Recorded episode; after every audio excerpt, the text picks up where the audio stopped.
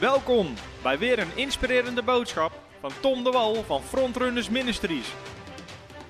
We bidden dat je via deze aflevering geïnspireerd wordt in je leven met God en opgebouwd wordt in je geloof. Oké, nou het thema wat we behandelen, we zijn bezig met mijn boek Supermens. Als je hem nog niet hebt besteld, bestel hem in onze webshop. Het gaat over je identiteit, de autoriteit en de kracht die we ontvangen hebben in Christus. En ik heb al een paar keer gezegd, maar ik kreeg laatst een heel mooi compliment van een voorganger. En die zei: Dit is het beste boek wat ik ooit heb gelezen over de nieuwe mens. Over de nieuwe schepping en hoe dat functioneert. En hij deelt het uit aan al zijn gemeenteleden. We hebben laatst een genezingscampagne gedaan, een genezingsconferentie in Hoge Zand. We hadden we meer dan 100 genezingswonderen in een paar dagen. 100 mensen wijden hun leven toe aan Jezus. Maar in die uh, drie dagen waren we, de vrijdag, zaterdag en zondag, hebben we ook 3000 boeken uit kunnen delen daar. Dus dat is geweldig om gewoon een enorme zegen te zijn. Vorige week was ik in Zeewolde, waar we ook duizend boeken hebben uitgedeeld. Dus we verspreiden het boek per duizenden. Inmiddels zijn er ook al... Uh, 5000 of zo besteld via de webshop. En het boek gaat dus enorm hard. Uh, al onze partners hebben hem gekregen, maar we hebben er uiteraard meer dan genoeg. En dit is eigenlijk een boek wat iedere christen zou moeten le lezen. En iedereen moet zich namelijk bewust zijn van wat onze identiteit is in Christus. En ook wat onze autoriteit is in Christus. En daarom behandelen we het ook in Voice of Faith. En vandaag ga ik het eerste deel behandelen van onze autoriteit in Christus. En waar ik vandaag ten eerste naar wil kijken is, hoe heeft Jezus uh, hoe is Jezus eigenlijk aan de autoriteit gekomen? En hoe heeft Jezus de duivel voor ons verslagen? Dat is het eerste deel van de autoriteit in Christus. En in het eerste deel van het boek, mijn boek heb ik opgedeeld. Voor de mensen die mogen lezen hebben of die mee bezig zijn, laat ik even in de reacties weten hoe ver je al bent in het boek. Het boek heb ik opgedeeld in drie delen aan de hand van het gebed wat Paulus bidt in Efeze hoofdstuk 1. Daar bidt hij dat de gelovigen een geest, de geest van wijsheid en openbaring krijgen. En dat ze inzicht krijgen. En dan bidt hij dat de gelovigen inzicht krijgen in drie dingen. Dat is de hoop van zijn roeping, de hoop waar Jezus ons voor geroepen heeft. Vervolgens bidt hij dat ze inzicht krijgen in de erfenis die ze ontvangen hebben in Christus. Dat spreekt over de identiteit onder andere in Christus. Maar hij zegt ook, en dat uh, misschien heb ik hem hier wel staan. Ja, Paulus bidt dat de gelovigen openbaring en inzicht krijgen. Dan zegt hij, wat de alles overtreffende grootheid van zijn kracht is aan ons die geloven. Aan ons die geloven.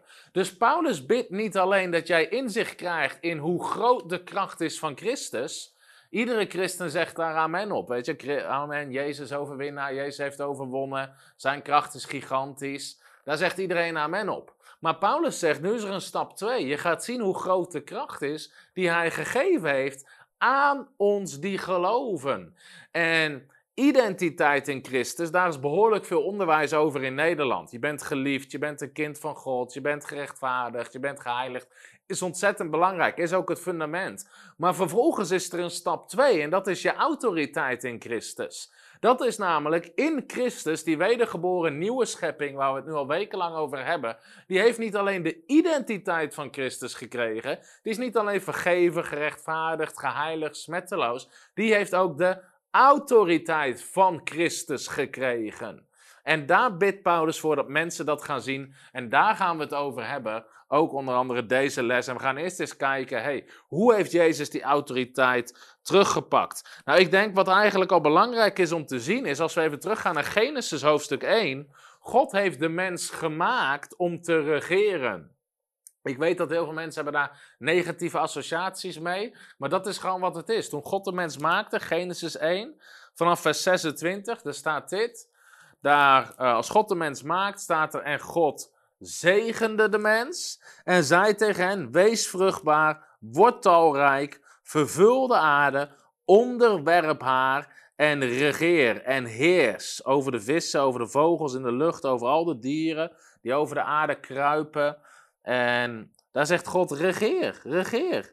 En ook in Genesis uh, 1 vers 26 zegt God, laten wij mensen maken naar ons beeld en ons gelijkenis. En laten zij heersen, laten zij regeren over de vissen, over de vogels, over de zee en over alles, over heel de aarde. Dus God heeft de mens gemaakt om te regeren. God vanaf het begin heeft de mens heerschappij gegeven. Nou, vervolgens wat we zien gebeuren is dat Adam geeft, die, geeft de heerschappij, geeft de autoriteit in de handen van de duivel, omdat hij de duivel gehoorzaamt. Dat is een ander onderwerp, gaan we nog wat dieper op in. Maar de Bijbel zegt in Romeinen 5, vers 17 dat nu we in Christus weer de gave van gerechtigheid hebben ontvangen, nu we weer recht staan met God, horen wij te gaan regeren weer in dit leven, zegt de Bijbel. Dus we mogen weer leren wat het is om in autoriteit te staan. Nou, we hebben het dan niet over een dictator zijn of wat dan ook. Het gaat erom dat jij weer heerschappij hebt over jouw leven en niet langer de duivel en wat hij probeert. Nou, wat ik heel belangrijk vind, al even om in het begin te zeggen, als het gaat om onze autoriteit in Christus, nu we toch nadenken over Genesis 1 tot en met Genesis 3, een goede vraag, want wat veel mensen altijd zeggen, we gaan zo meteen zien, Jezus is gegeven alle macht in hemel en op aarde. Dat is misschien wel de volgende tekst. Jezus is gegeven, gaan we straks wel zien, alle macht in hemel en op aarde, zegt Jezus zelf. Dan zeggen heel veel mensen, ja, maar als Jezus alle macht heeft op hemel en op aarde, uh, weet je, hoe kan het dan dat de duivel nog zoveel ellende aanricht? Nou, je zou kunnen, de, als je even vergelijkt met Genesis, had de duivel het recht in Genesis, of de macht in Genesis, om al die ellende aan te doen. Door middel van de zondeval en de mensen te vragen om te gehoorzamen. Nee, hij had het recht niet, hij had de macht niet, maar hij misleidde de mensen. Hij werkte met misleiding, met leugen en bedrog en op die manier pakte die macht. En hij is niet veranderd. Hij is niet veranderd. Nog steeds probeert de duivel mensen te misleiden, te bedriegen, te liegen en op die manier ruimte en autoriteit te krijgen in ons leven.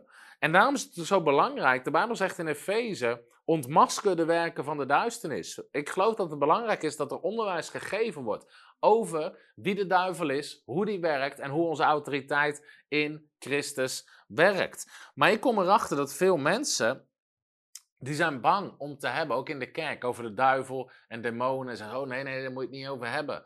Maar het ding is, we moeten het er wel over hebben. Want hoe meer je de duivel bestudeert in het Nieuwe Testament, hoe meer je ziet dat hij verslagen is en dat wij de autoriteit hebben gekregen. Dat is wat het is. Hoe meer je hem bestudeert in het Nieuwe Testament, wat de Bijbel erover zegt, hoe meer je ziet dat het een verslagen vijand is, waar wij de autoriteit over hebben gekregen. Nou, de duivel probeert nog autoriteit te pakken. Hij probeert mensen te misleiden en te bedriegen.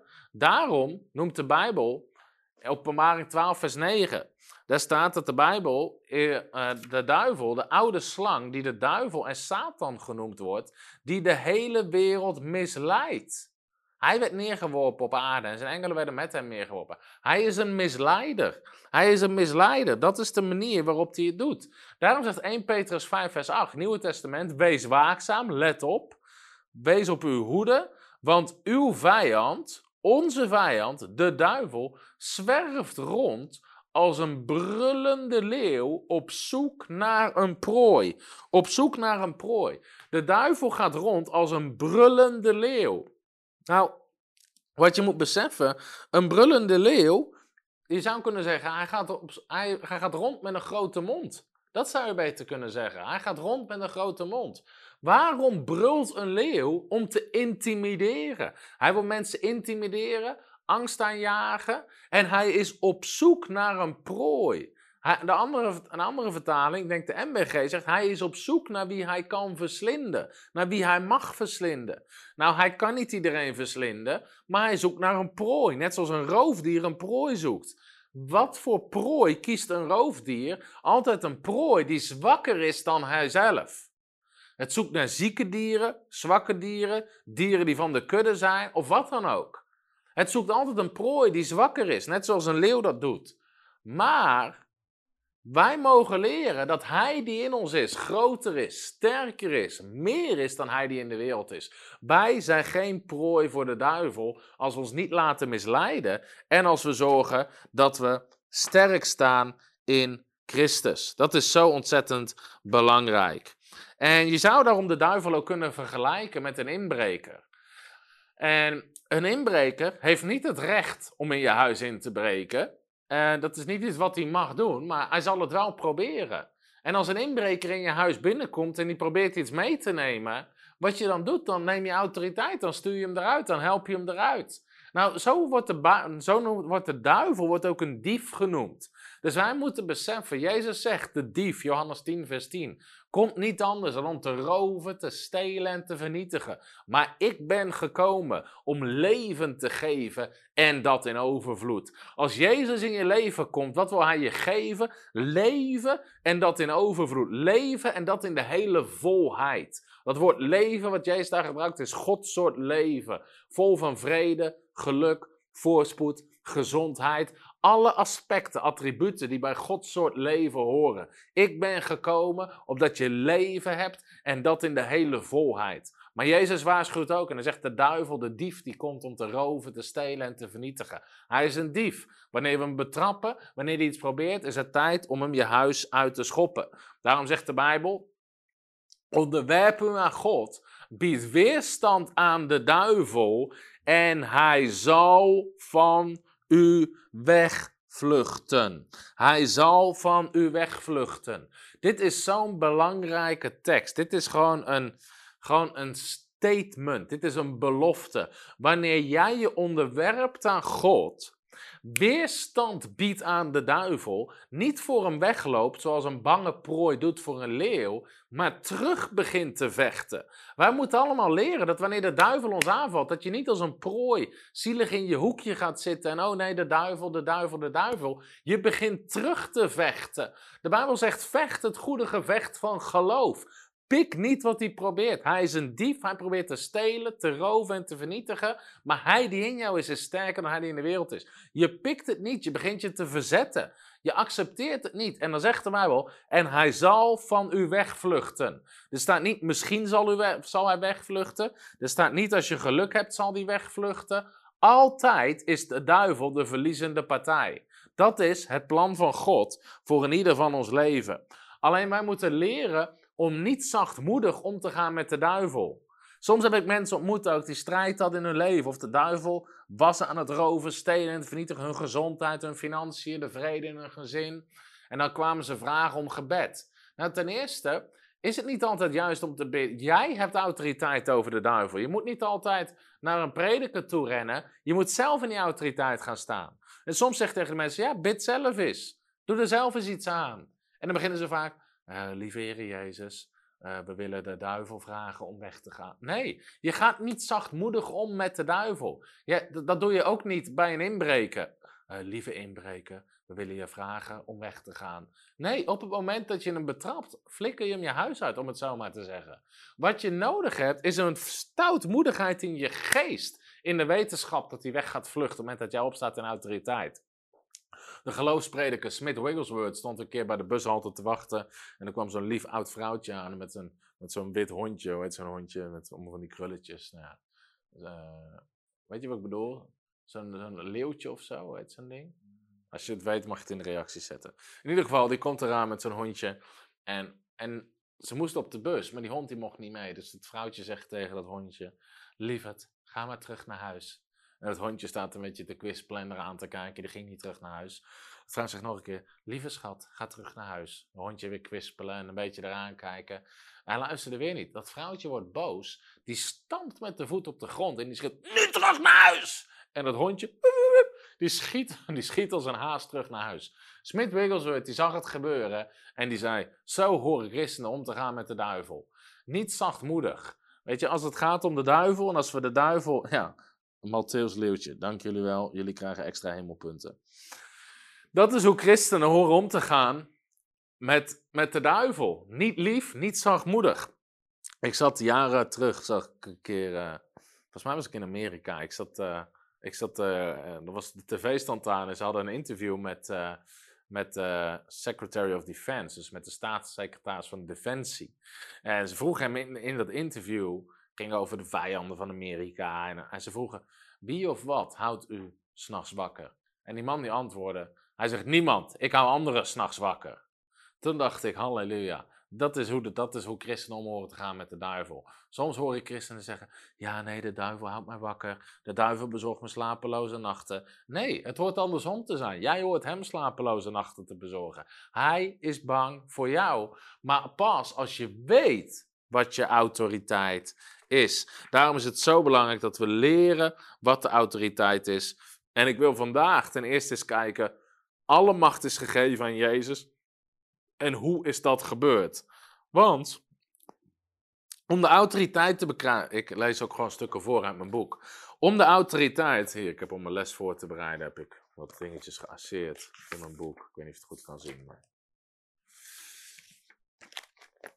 Ik zet in mijn boek. Om de autoriteit te begrijpen die jij gekregen hebt. Moet je eerst de autoriteit die Christus gekregen heeft begrijpen. Waarom? Je hebt de autoriteit van Christus gekregen. Dus je moet eerst de autoriteit begrijpen die Christus gekregen heeft, voordat je kan begrijpen de autoriteit die wij gekregen hebben. Daarom gaan we daar vandaag naar kijken.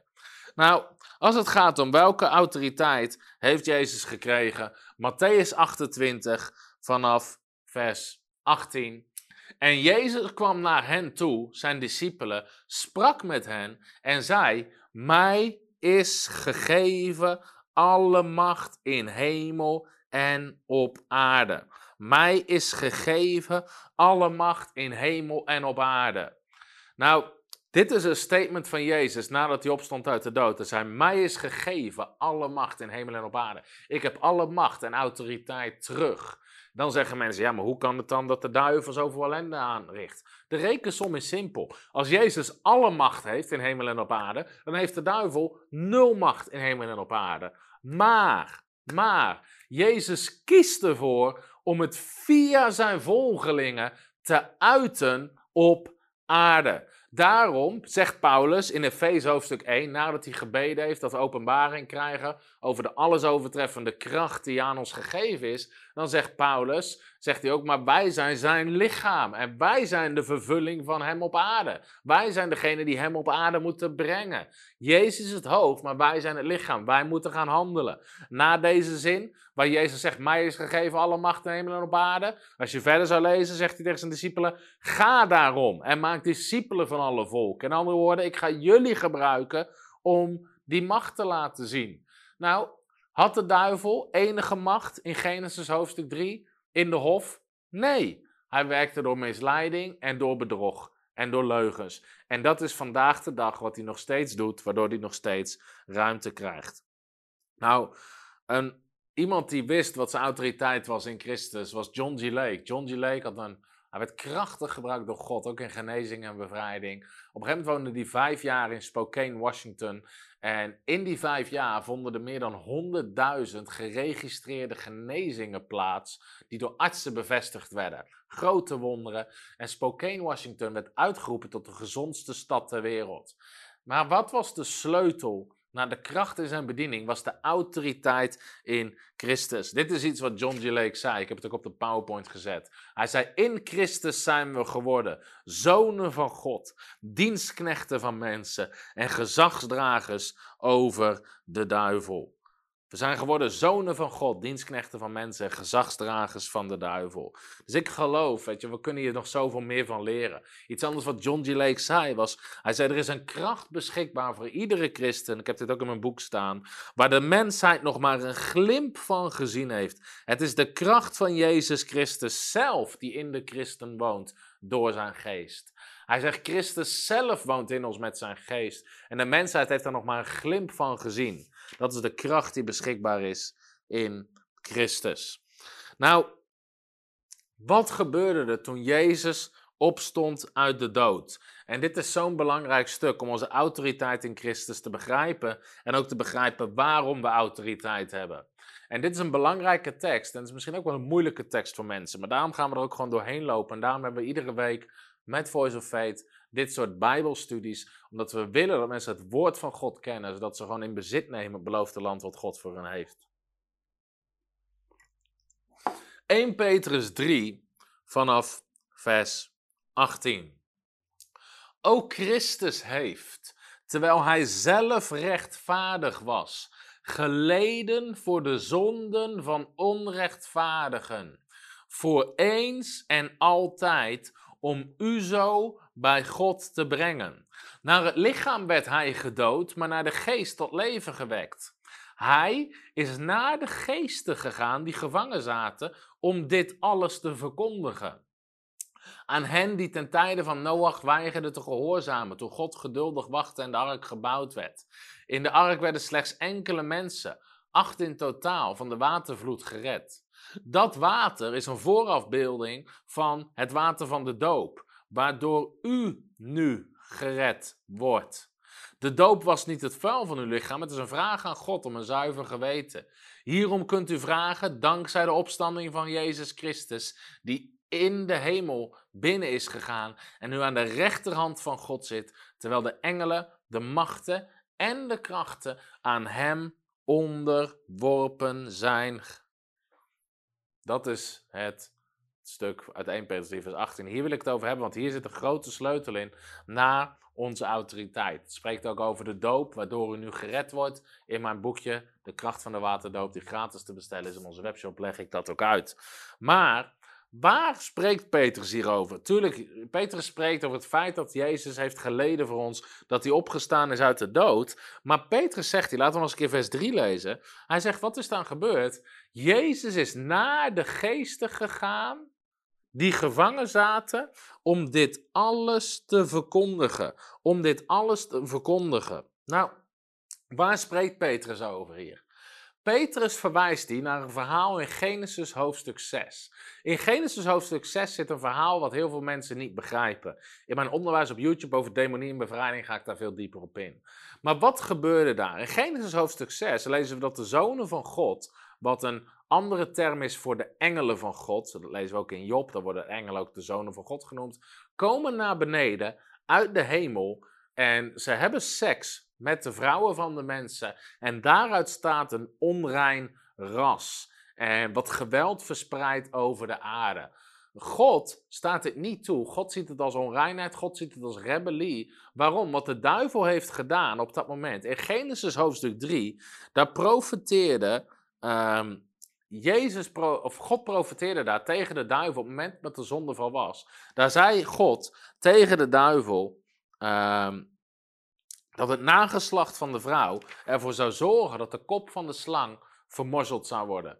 Wat probeert de duivel in Genesis hoofdstuk 6? Hij laat de engelen seks hebben met de vrouwen van de mensen en hij laat daardoor een onrein ras ontstaan, waardoor de Messias niet geboren kan worden. Want de duivel wist, het nageslacht van de vrouw zal mijn kop vermorzelen. Dus hij probeerde een onrein nageslacht te, te veroorzaken.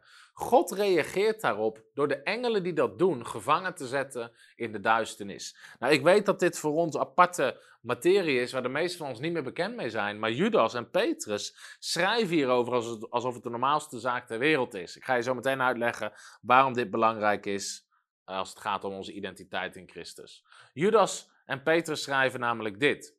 En de engelen die hun oorspronkelijke staat niet hebben bewaard, maar hun eigen woonplaats verlaten hebben, heeft hij voor het oordeel van de grote dag met eeuwige boeien in de duisternis in verzekerde bewaring gesteld. 2 Petrus 2 vers 4, want als God de engelen die gezondigd hebben niet gespaard heeft, maar hen in de hel geworpen heeft en overgegeven heeft gegeven aan de ketenen van de duisternis, om tot het oordeel bewaard te worden. Nou, we gaan in dit boek gaan we niet heel erg uitgebreid um, in op deze verhalen in mijn onderwijs op YouTube over demonie en bevrijding doe ik dat wel. Maar dit is in ieder geval wat de Bijbel ons leert. God reageerde daarop op die engelen die dat deden door hen gevangen te zetten in de duisternis. Maar wat deed Jezus? Even terug naar 1 Petrus 3 vers 18. Toen Jezus opstond of toen Jezus stierf, zegt de Bijbel, hij is naar de geesten gegaan die gevangen zaten om dit alles te verkondigen om dit alles te verkondigen. Nou, dat woord verkondigen betekent ook proclameren. Toen Jezus uh, stierf, ging hij toe naar deze geesten die gevangen zaten, die hadden proberen om te voorkomen dat de Messias geboren zou worden. En dat de profetie van God vervuld zou worden, dat de kop van de slang vermorzeld zou worden. Maar Jezus, die uh, op het moment dat hij, dat hij sterft, gaat Jezus naar die geesten toe in de geestelijke wereld om te verkondigen, om te proclameren zijn overwinning. Hij laat zien, het is wel gelukt. Het nageslacht van de vrouw heeft de kop van de slang vermorzeld. En vervolgens spreekt hij ook over de waterdoop. Dat zoals Noach werd bevrijd door het water van die kwade wereld, worden wij door de doop gered en getrokken uit de macht van de duisternis. Maar daar ga ik dieper op in in mijn boek over uh, de waterdoop. En als laatste zegt Petrus dus, even in dit stuk, die de hemel binnen is gegaan en nu aan Gods rechterhand zit, terwijl de engelen, de machten en de krachten aan hem onderworpen zijn. Wat heeft God gedaan? Jezus is de hemel binnengegaan, zit aan de rechterhand van God en engelen, machten en krachten zijn aan hem onderworpen. Jezus heeft God gezet aan zijn rechterhand. Dat spreekt van een positie van autoriteit, van eer en van respect. En um, laten we daar nog eens een tekst over lezen. Even kijken of ik die hier heb. Ja, Paulus zegt, die pak ik even uit Efeze hoofdstuk 1. Paulus zegt in Efeze 1, daar bidt hij dus dat de gelovigen inzicht krijgen in het verlossingswerk van Jezus. Hoe groot de kracht is aan hen die geloven. Even kijken. En dan zegt Paulus, die bidt dan namelijk dat de gelovigen hier ook inzicht in krijgen. Efeze hoofdstuk 1. Daar is hij. Daar bidt hij dit. En dat u openbaring krijgt, wat de alles overtreffende grootheid van zijn kracht is aan ons die geloven, overeenkomstig de werking van de sterkte van zijn macht, die hij gewerkt heeft in Christus toen hij hem uit de doden opwekte en aan zijn rechterhand zette in de hemelse gewesten, ver boven alle overheid en macht en kracht en heerschappij en elke naam die genoemd wordt. Niet alleen in deze wereld, maar ook in de komende. En hij heeft alle dingen aan zijn voeten onderworpen. En daar komt weer deel 2. En heeft hem als hoofd over alle dingen gegeven aan de gemeente. Dat zijn wij. Die zijn lichaam is in de vervulling van hem die alles in alle vervult. Maar hier zie je dus dat Paulus spreekt over het feit dat Jezus gezeten is aan de rechterhand van God ver boven alle overheden, machten en krachten. En alles is aan zijn voeten onderworpen. Dat is de positie die Christus nu heeft. Filippenzen 2, vers 9. Dit zijn gewoon teksten die iedereen moet kennen, want het gaat over de autoriteit van Christus. Daarom heeft God hem, Christus, ook bovenmate verhoogd en heeft hem een naam gegeven boven elke andere naam. Of dat in de naam van Jezus zich zou buigen, elke knie van hen die in de hemel, die op de aarde en die onder de aarde zijn. En elke tong zou beleiden dat Jezus Christus Heer is tot heerlijkheid van God de Vader. Oké. Nu gaan we even kijken naar wat er precies gebeurd in de geestelijke wereld. Als je de Bijbel leest, dan zie je dat er vanaf het begin een gigantische geestelijke strijd is. Zie je door het hele Oude Testament. Ik ga dat nu niet in detail laten zien, maar in Genesis hoofdstuk 3 zie je al de zondeval, waar de slang komt en de mens probeert te verleiden. We hebben net een stukje gelezen over Genesis hoofdstuk 6, waar je geestelijke rebellie ziet. Je ziet het bij de toren van Babel, dat mensen zich verzetten tegen God. Maar je ziet het bijvoorbeeld ook bij het volk wat God bevrijdt uit Egypte. Um, dan zegt de Bijbel dat God veroordeelde de goden van Egypte door zijn volk eruit te uh, halen. En zelfs de tovenaars van de farao deden wonderen en tekenen. Dus daar vond geestelijke strijd plaats. Het was het hele, in de hele Bijbel lees je dat aspect van geestelijke strijd. Je leest bijvoorbeeld, en dat zijn bekende verhalen in Daniel. Daar lees je over dat Daniel visioenen krijgt van de hemel, waarin hij dan ziet de vorst van Perzië de vorst van Griekenland, grote demonische machten die achter landen schuil gaan. En je ziet eigenlijk, krijg je inzichten in de geestelijke wereld en dan zie je dat daar een conflict is tussen de machten van de duisternis en tussen God en het plan wat God aan het doen is. En uiteindelijk, midden in dat conflict, wat dus al duizenden jaren duurt, komt Jezus naar de aarde. En God had een plan, zoals hij al geprofiteerd had in Genesis hoofdstuk 3, om de kop van de slang te vermorzelen. En op een gegeven moment verschijnt Jezus op aarde. En dit is heel belangrijk. De duivel wist wat Jezus kwam doen. Namelijk zijn kop vermorzelen, zijn autoriteit afnemen. Maar de duivel had geen idee hoe Jezus dat ging doen. Dus op het moment dat Jezus geboren wordt, begint Herodes begint alle baby's te vermoorden. Maar hij weet niet welke baby, de duivel weet niet welke baby precies Jezus is. Dus de duivel is niet alwetend. Net zoals De farao in Egypte probeerde alle baby's te vermoorden in de tijd van Mozes. En dan zie je op de achtergrond zie je dat thema van geestelijke strijd. In, op een gegeven moment, Jezus die groeit op, dan wordt hij, uh, op een gegeven moment laat hij zich dopen, wordt hij vervuld met de Heilige Geest als hij 30 jaar oud is. En dan lijkt het alsof in één keer alle machten van de duisternis weer gefocust zijn op, wacht even, hier gebeurt het. En het eerste wat de duivel doet, hij neemt Jezus mee naar de woestijn om hem te verleiden. Waarom? De duivel wist waarvoor Jezus kwam. Als je het evangelie van Lucas leest, en dat is wel een belangrijke tekst, ook met het thema waar we bezig zijn. In Lucas hoofdstuk 4, daar lees je over de verzoeking in de woestijn. En wat doet de duivel? Wat biedt hij Jezus aan? Hij biedt hem alle koninkrijken aan van deze wereld. Even kijken, Lucas hoofdstuk 4. Hier, Lucas hoofdstuk 4, vanaf vers 5. En daarna bracht de duivel hem op een hoge berg en liet hem in een ogenblik al de koninkrijken van de wereld zien. En de duivel zei tegen hem: Ik zal u al deze macht, zie je de autoriteit en de heerlijkheid van deze koninkrijken geven, want die is aan mij overgegeven. Wie had die aan hem gegeven? Niet God. Adam. Adam gehoorzaamde de duivel en gaf daarmee de autoriteit aan de duivel. En ik geef die aan wie ik maar wil. En ik geef die aan wie ik maar wil. Dus de duivel weet, er is een strijd gaande om de koninkrijken en om de autoriteit. En hij wist dus wat Jezus kwam doen, maar hij wist niet hoe hij het kwam doen. Dat zie je ook wanneer Jezus gaat prediken in de synagoge. Dan zie je dat de demonen beginnen te schreeuwen. Jezus, zoon van God, wat hebben we met u te maken? Bent u gekomen om ons te pijnigen voor onze tijd? In andere woorden, ze weten dat er een moment is waar het oordeel van God komt. Alleen ze snapten niet, wat komt Jezus hier nu doen? In het lichaam van een mens. Wat, wat, wat doet God hier op aarde?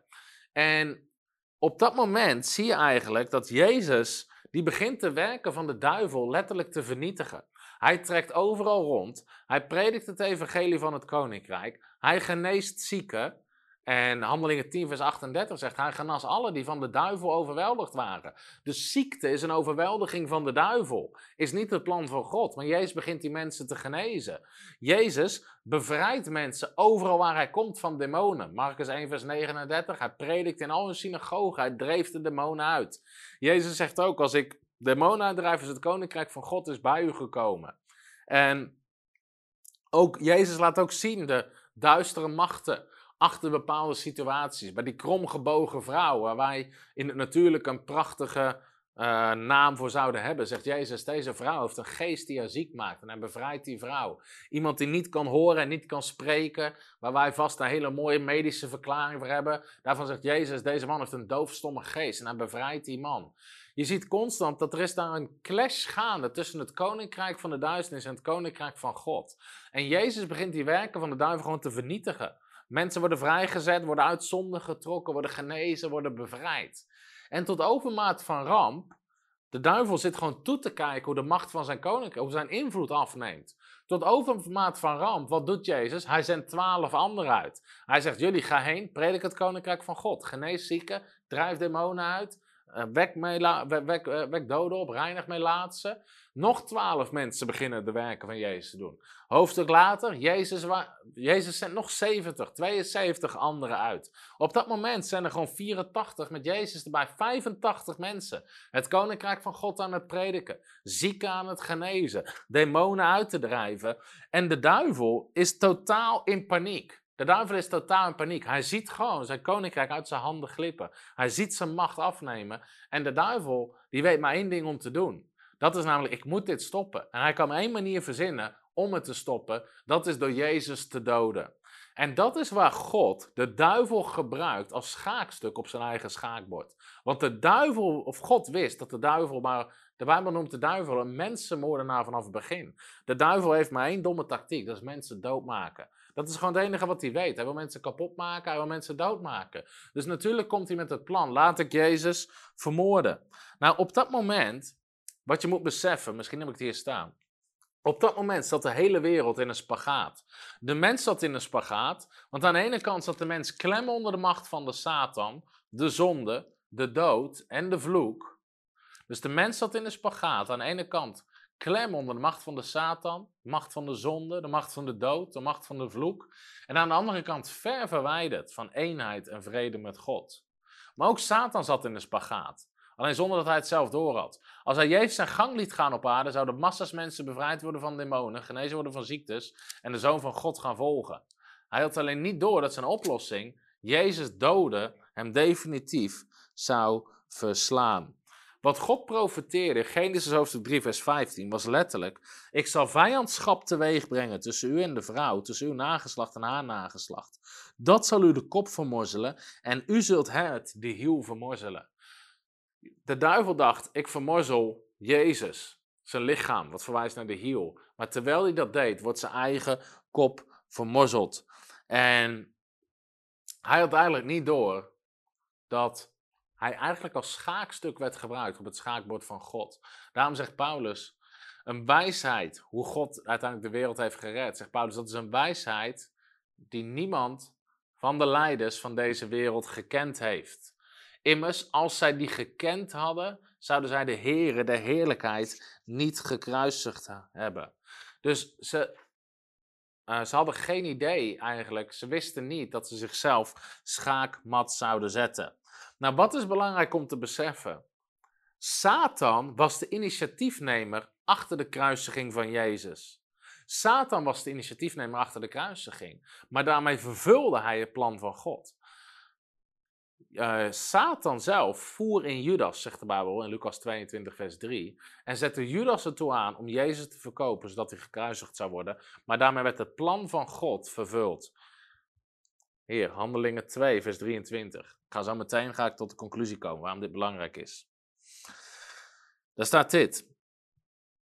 Deze Jezus, die overeenkomstig het vastgestelde raadsbesluit en de voorkennis van God overgegeven is. Dus God wist het al. Het was in het plan van God, maar het was niet God zelf die het uitvoerde. Het was Satan die Jezus liet kruisigen. Alleen God wist dat Satan dat zou doen. Waarom is dit belangrijk? Omdat sommige mensen zeggen, ja, maar weet je, waarom moet God zijn eigen zoon kruisigen? Nee, het was Satan die daartoe aanzette. God wist het en liet het toe, omdat God wist ook hoe Satan daardoor verslagen zou worden. Deze hebt u gevangen genomen door de handen van onrechtvaardigen en aan het kruis gespijkerd en gedood. Nou, wat gebeurde hier? Waarom is dit zo belangrijk? Even kijken of ik het hierop heb staan. Nee, ik ga het voorlezen uit mijn boek. Dit is zo belangrijk voor mensen om te beseffen. Wat gebeurde hier? God had al bedacht dat hij de mensheid kon verlossen door zichzelf in de vorm van de zoon te laten lijden, kruisigen en doden. Gods plan was briljant, omdat God wist dat de duivel dit ging doen en daarmee de fout in zou gaan. Let op, hij doodde en veroordeelde, de Satan, doodde en veroordeelde, namelijk een on onrechtmatig, een rechtvaardig en heilig persoon. De duivel had geen recht om Jezus zijn leven te nemen. Onrechtmatig veroordeelde en doodde hij een rechtvaardig en heilig persoon. Jezus onderging vrijwillig de kruisiging in gehoorzaamheid aan de Vader. Jezus had zelf nooit gezondigd. Hij was totaal heilig. Toch werd hij veroordeeld, beschuldigd, bespuugd, gemarteld en gekruisigd. Jezus' fysieke lichaam werd kapot gemaakt en er vloeide heilig, smetteloos en rechtvaardig bloed. En Jezus' lichaam werd verminkt en dood in het graf gelegd. Alleen dit is het ding. De Bijbel zegt, de dood kon Jezus niet vasthouden. Het is belangrijk dat we begrijpen waarom. De Bijbel zegt, God heeft hem echt te doen opstaan door de weeën van de dood te ontbinden, omdat het niet mogelijk was dat hij daardoor vastgehouden zou worden. Het was niet mogelijk dat hij daardoor vastgehouden zou worden. Waarom is dat niet mogelijk? Omdat de Bijbel zegt: het loon van de zonde is de dood. Het gevolg van de zonde is de dood. De dood is de wereld ingekomen, Romein hoofdstuk 5, Romein hoofdstuk 6. Door de zonde. Door de zonde is de dood de wereld ingekomen. Maar Jezus had nooit gezondigd. Jezus had nooit gezondigd, dus had de dood totaal geen recht over hem. De dood had geen recht over hem. Daarom zegt Jezus: De vorst van deze wereld komt en hij heeft geen macht over mij. Wat is belangrijk om te beseffen? De duivel had de macht over de dood. De duivel had de macht over de dood. Even kijken of ik dat hier heb staan.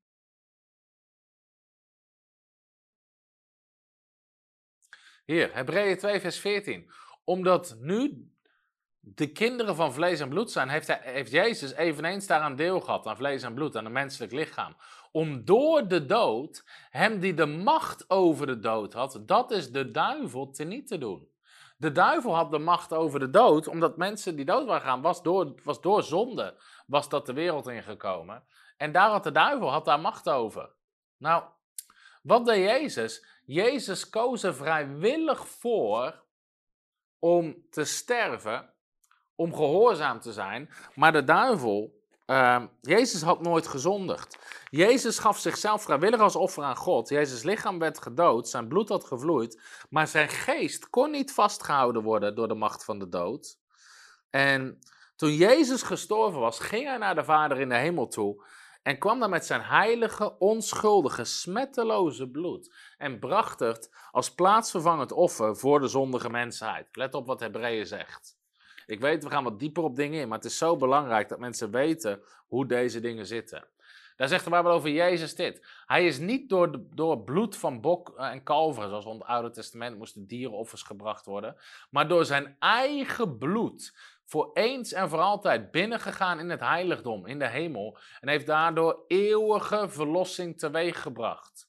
Hoeveel te meer zal het bloed van Christus, die door de eeuwige geest zichzelf smetteloos aan God geofferd heeft.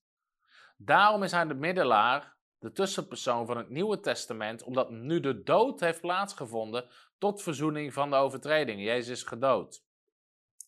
Gaan we even door naar vers 26.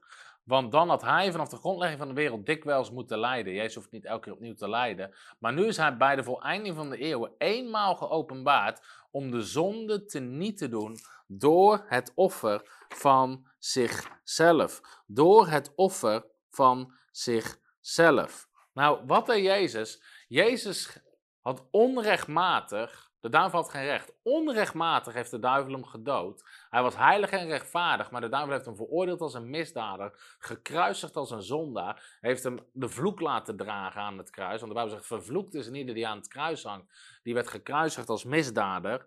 En dit is het ding. Adam, let op, dit is het verschil tussen Adam en Christus. Heb ik de eerste uitzending heb ik telkens gehad over de erfenis van Adam en de erfenis van Christus. Daarom wordt Jezus wordt ook wel de laatste Adam genoemd. Adam had als rechtvaardig persoon er vrijwillig voor gekozen om te zondigen en leed daardoor aan de dood. Adam was rechtvaardig, hij wandelde in gemeenschap met God. Hij koos er vrijwillig voor om te zondigen, om te rebelleren tegen God. En daardoor kwam de dood. Nu had een rechtvaardig persoon, Jezus, er vrijwillig voor gekozen om te lijden aan de dood en daardoor de zonde te niet gedaan. Jezus had nooit gezondigd. De duivel had zijn bloed niet mogen pakken. Had, had hem niet mogen kruisigen. Maar Jezus ging helemaal naar God, naar, naar God toe en zei: Heer, ik bied het aan. Als plaatsvervangend offer voor de mensheid. En God accepteerde het offer van Christus. Voor een moment toen de duivel Jezus kruisigde, dacht hij: Ik heb gewonnen, ik heb gewonnen. Hij sterft. Maar op het moment dat Jezus stierf in het kruis, ging hij toe naar die geesten die gevangen zaten. En hij begon te proclameren zijn overwinning. Hij begon juist te laten zien: dit is geen nederlaag, dit is een overwinning. En wat gebeurde er? God, die, uh, ik heb het hier nog een keer staan. Dit is zo belangrijk. Adam had als rechtvaardig persoon er vrijwillig voor gekozen om te zondigen en leed daardoor aan de dood. Nu had een rechtvaardig persoon, Jezus, er vrijwillig voor gekozen om te lijden aan de dood en daardoor de zonde te niet te doen. Dit is wat God, uh, wat, wat Jezus deed. En hiermee sloeg God twee vliegen in één klap. Even terug naar de spagaat waar we het over hebben gehad. De mensheid zat klem onder de macht van de Satan, de zonde, de dood en de vloek. En verwijderd van God. Nou, wat deed God? Door dat ene offer van Jezus verbrak hij de macht van de Satan. Want Jezus werd verheven ver boven alle overheid en macht en kracht gezeten aan de rechterhand van God. Hij pakte terug die autoriteit. Jezus overwon de zonde.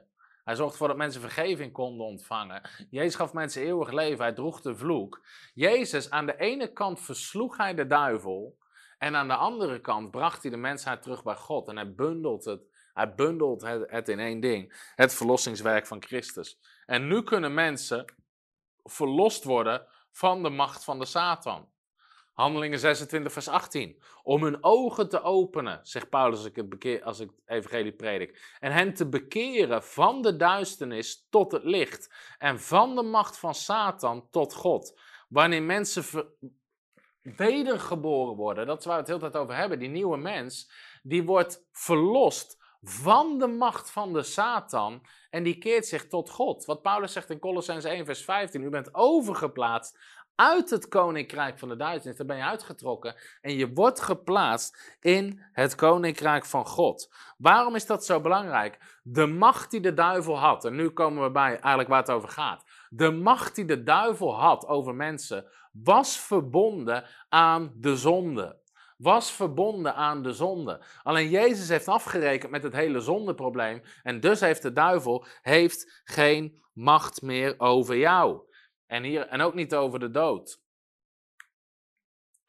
Nu komen we bij, Paulus vat het allemaal samen. De duivel had macht over ons vanwege ons zondige vlees, vanwege de zonde in ons leven. Maar de vorige keer hebben we, hebben we gezien hoe Jezus daarmee afgerekend heeft. Nou, Paulus vat dit samen in Colossense 2, vers 9. Dat is de laatste tekst die we hierover gaan lezen.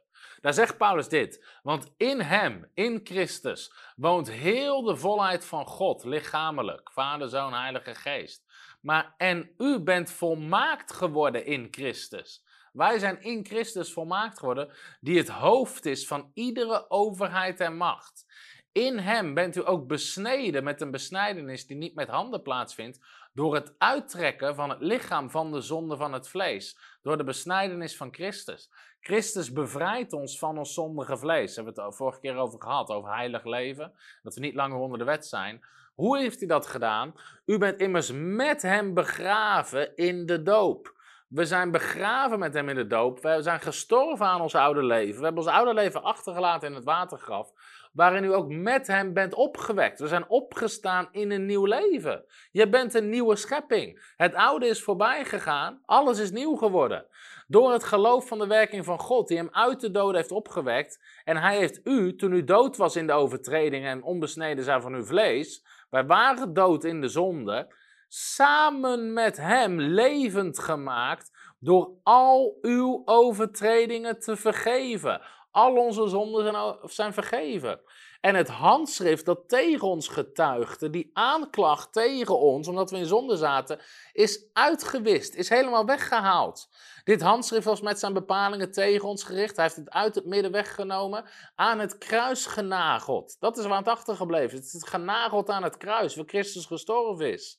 Maar wij zijn opgestaan in een nieuw leven. En hij heeft overheden en machten ontwapend, die open, hen openlijk te schande gemaakt en daardoor over hen getriomfeerd. Hij heeft over hen getriomfeerd. Hij heeft ze ontwapend. Nou, let op. Wat zegt Paulus hier? Paulus zegt ten eerste, hij zegt, Jezus staat boven iedere overheid en macht. Dat is het eerste wat Paulus zei in vers 10. Kijk, hij is het hoofd van iedere overheid en macht. Vervolgens zegt Paulus ons, dat wij zijn verlost van ons zondige vlees, zodat we met Jezus begraven zijn door de doop, opgestaan zijn, opgewekt zijn in een nieuw leven. Wat mogelijk is omdat ook Jezus is opgewekt uit de dood. Wij zijn nu in Christus, met hem een nieuwe schepping. Wij waren dood door ons krachteloze zondige vlees, maar we zijn met hem levend gemaakt. Al onze overtredingen zijn vergeven. Hierdoor heeft de duivel geen macht over ons, net zoals hij geen macht had over Jezus. Iedere aanklacht van zonde is weggehaald omdat Jezus de prijzen voor heeft betaald. En hierdoor zijn alle overheden en machten ontwapend. Al hun wapens zijn afgenomen. Ze zijn openlijk tot schut gezet. Door de domme fout die de duivel maakte, heeft Jezus over de duisternis getriomfeerd. Dit is zo belangrijk. De duivel had macht over ons leven omdat we zondaren waren. Omdat we gezondigd hadden. Omdat we onder de macht van de zonde zaten. Hij had die autoriteit over ons leven. Maar nu ben jij een nieuwe schepping. Nu regeer je met Christus. Je bent gezeten met Christus. Daar gaan we het de volgende keer over hebben. Maar zonde de Bijbel zegt, we zijn heilig, we zijn smetteloos, we zijn rechtvaardig verklaard. Onze nieuwe mens, die nieuwe schepping, de duivel heeft daar helemaal geen autoriteit over. Sterker nog, jij hebt autoriteit over de duivel gekregen, want Jezus heeft gekozen om zijn overwinning met ons te delen. In Christus heeft de duisternis geen enkele autoriteit over ons, maar in Christus hebben wij alle autoriteit over de duivel. Dit is zo belangrijk om te beseffen, omdat zoveel christenen zitten onder zondebesef en ze leven in veroordeling en daardoor heeft de duivel macht over hun leven, want hij blijft ze maar aanklagen. Maar de Bijbel zegt er is geen aanklacht, er is geen veroordeling voor hen die in Christus Jezus zijn. Je bent geheiligd, gerechtvaardigd, je bent smetteloos, je bent een nieuwe schepping, het oude is voorbij gegaan, alles is nieuw geworden. Je bent opgestaan met Christus. De geest van God woont in jou. Die nieuwe schepping, die nieuwe creatie, die is één met Christus. U bent met Christus opgestaan. We zijn één met Christus. Jouw nieuwe leven is in Christus verborgen.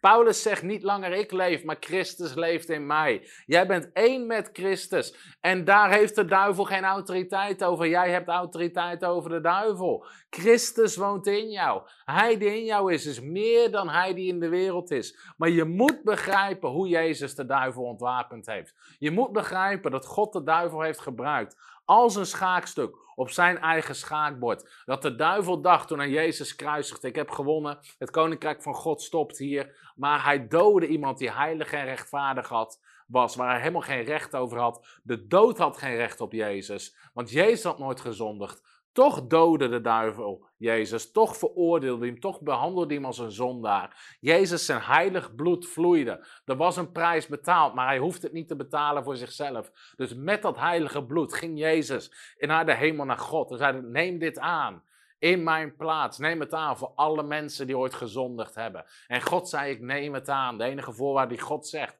is dat ze geloven in wat Jezus gedaan heeft. En dat ze één willen worden met hem in zijn verlossingswerk. En Iedereen die dat doet, die is in Christus, in Christus. En de duivel dacht voor een moment, halleluja, ik heb gewonnen. Hij dacht, ik heb gewonnen, ik heb gewonnen. En Jezus verscheen aan die geest in de hemelse gewesten, die daar gevangen zaten. Voor die daad die ze duizenden jaren eerder hadden gedaan. En ze dachten, hiermee voorkomen wij dat de Messias ooit geboren wordt. Maar Jezus werd wel geboren uit het nageslacht van de vrouw. En hij begon te proclameren zijn overwinning. Hij begon te proclameren, ik heb overwonnen. En Jezus verscheen aan de mensen. Hij zegt, mij is gegeven alle macht in hemel en op aarde. Hij is geplaatst aan de rechterhand van God, ver boven alle overheden, machten en krachten. God heeft hem de naam gegeven boven iedere overheid en macht, boven al het andere. Dat is de plek die Christus inneemt. Maar jij bent in Christus. En dat is zo belangrijk. We kunnen mensen alleen maar leren de autoriteit die ze hebben in Christus als ze beseffen dat ze geen zondaar meer zijn, maar dat ze geheiligd zijn, een nieuwe schepping zijn, autoriteit hebben gekregen over de duivel. En daarom moeten we eerst begrijpen hoe Jezus de duivel verslagen heeft. En daarom heb ik dat uitgelegd. En ik wil je echt uitnodigen, lees het na in dit boek. Lees het een paar keer na. Ik snap het is behoorlijk diepe materie, omdat we het hebben over hoe de geestelijke wereld werkt. Maar ik geloof dat iedere christen dit hoort te weten. Amen. En ik bid dat je hierdoor gezegend bent. En mocht je vragen hebben, stel ze in de reacties. En ik ga ze zo meteen proberen te beantwoorden. En ik wil vragen of even de flyer erop kan. Van, ehm, eh, ik heb hier ook YouTube. Dat is goed. Um, Geniet je van dit onderwijs? Ik heb afgesloten te zeggen, ik geloof dat iedere christen dit hoort te weten. Wil je ons helpen om onze boodschap naar veel meer mensen te bereiken? We zijn bezig met een geweldig plan. Ten eerste zijn we bezig met het ontwikkelen van een voltijd bijbelschool. Dat we een nieuwe generatie predikers, evangelisten, gewoon mensen die in de bediening zitten willen trainen, willen nieuwe kerken starten. We zijn bezig met al die, uh, met allemaal we zijn ermee bezig om die voltijdschool op te zetten. Maar we zijn ook bezig met een nieuw gebouw. Kan je die flyer laten zien die ik doorstuurde? Um, heb je die nog gezet? Ja, komt uh, we zijn bezig ook met een nieuw gebouw. We zijn op de achtergrond alles gereed aan het maken. En we zijn zelfs bezig met het plan om twee nieuwe gebouwen naast elkaar te zetten. Eén waar we een grote conferentiezaal in hebben. En de andere waar we een kleine zaal in hebben, maar ook klaslokalen, onze videostudio's, onze kantoren. Opslag voor armoedehulp, boekdistributie, al die dingen.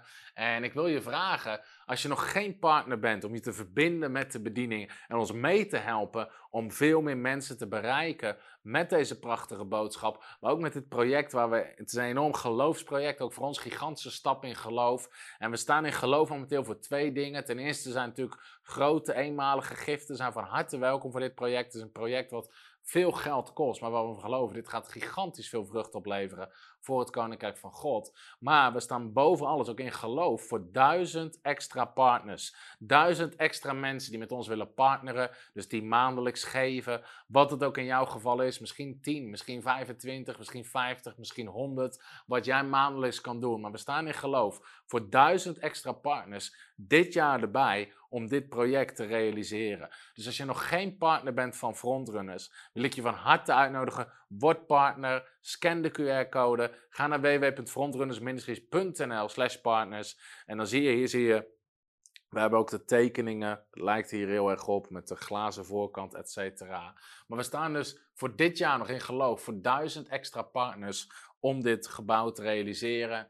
Uh, waardoor we kunnen gaan bouwen uh, we gaan het helemaal nieuw bouwen. Dus we zijn nu bezig op de achtergrond om alles te organiseren. Ook met vergunningen, natuurlijk al die dingen waar we mee te maken hebben. Maar we hebben ook gewoon duizend extra partners nodig. Dus we staan in geloof voor duizend extra mensen.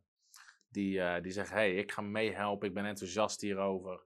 Misschien ben je al partner, kan je je partnerschap verhogen. Uh, of ook een eenmalige gift geven. We staan in geloof voor allebei. We hebben ook geld nodig gewoon voor de aanschaf.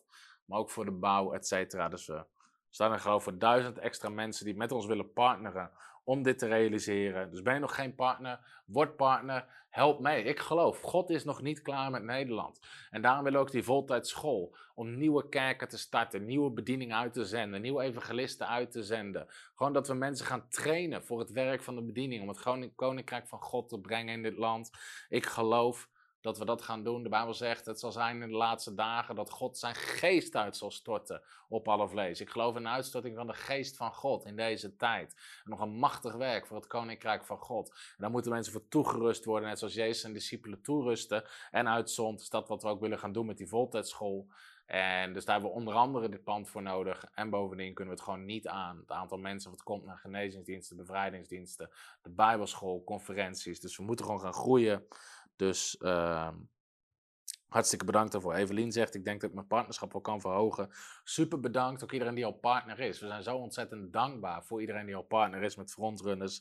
Het is geweldig om dat te zien. Dat zoveel mensen zich verbinden om het Koninkrijk van God te bouwen in Nederland. En daarom geloof ik ook dat er dit jaar nog extra duizend mensen zijn die zich daaraan willen verbinden. We zegenen letterlijk honderdduizenden mensen. We hebben in één jaar tijd 175.000 boeken gedrukt om weg te geven. Dit soort boeken over het evangelie, doop, genezing, heilige geest. 175.000 boeken hebben we gedrukt en zijn we aan het verspreiden. We hebben, onze YouTube-video's zijn meer dan 900.000 keer bekeken totaal. Misschien inmiddels wel over de miljoen. We hebben honderden studenten in onze gratis part-time bijbelschool zitten. Um, overal in het land. We hebben honderden YouTube-video's gratis waarmee we duizend mensen bereiken. Dus ik geloof dat daar een percentage van die mensen bereid is om mee te bouwen en zeggen: hey, ik help jullie om nog meer mensen te bereiken. Amen. Wil je trouwens een grote gift geven, dan kan je het rechtstreeks geven op de rekening van ons Building Fund, die je ook op onze website vindt. Dus je kan hem ook dan rechtstreeks overmaken. Iedereen hartstikke bedankt daarvoor. Hallo, Tom de Wol hier en bedankt dat je weer geluisterd hebt naar onze podcast. Ik bid dat het je geloof gebouwd heeft en je bemoedigd bent. Als je niet alleen een luisteraar van onze boodschap wil zijn, maar ook een verspreider daarvan, wil ik je uitnodigen om partner te worden van Frontrunners. Door jouw maandelijkse donatie help je ons om dit evangelie van Jezus Christus en het woord van God over heel de aarde te brengen. Om partner te worden, ga naar www.frontrunnersministries.nl slash partners en word partner. Hartelijk bedankt en tot snel. Heb je ook zo genoten van deze inspirerende boodschap van Tom de Wal? Abonneer je dan op deze podcast. Volg ons op Facebook en op Instagram en kijk op onze website frontrunnersministries.nl.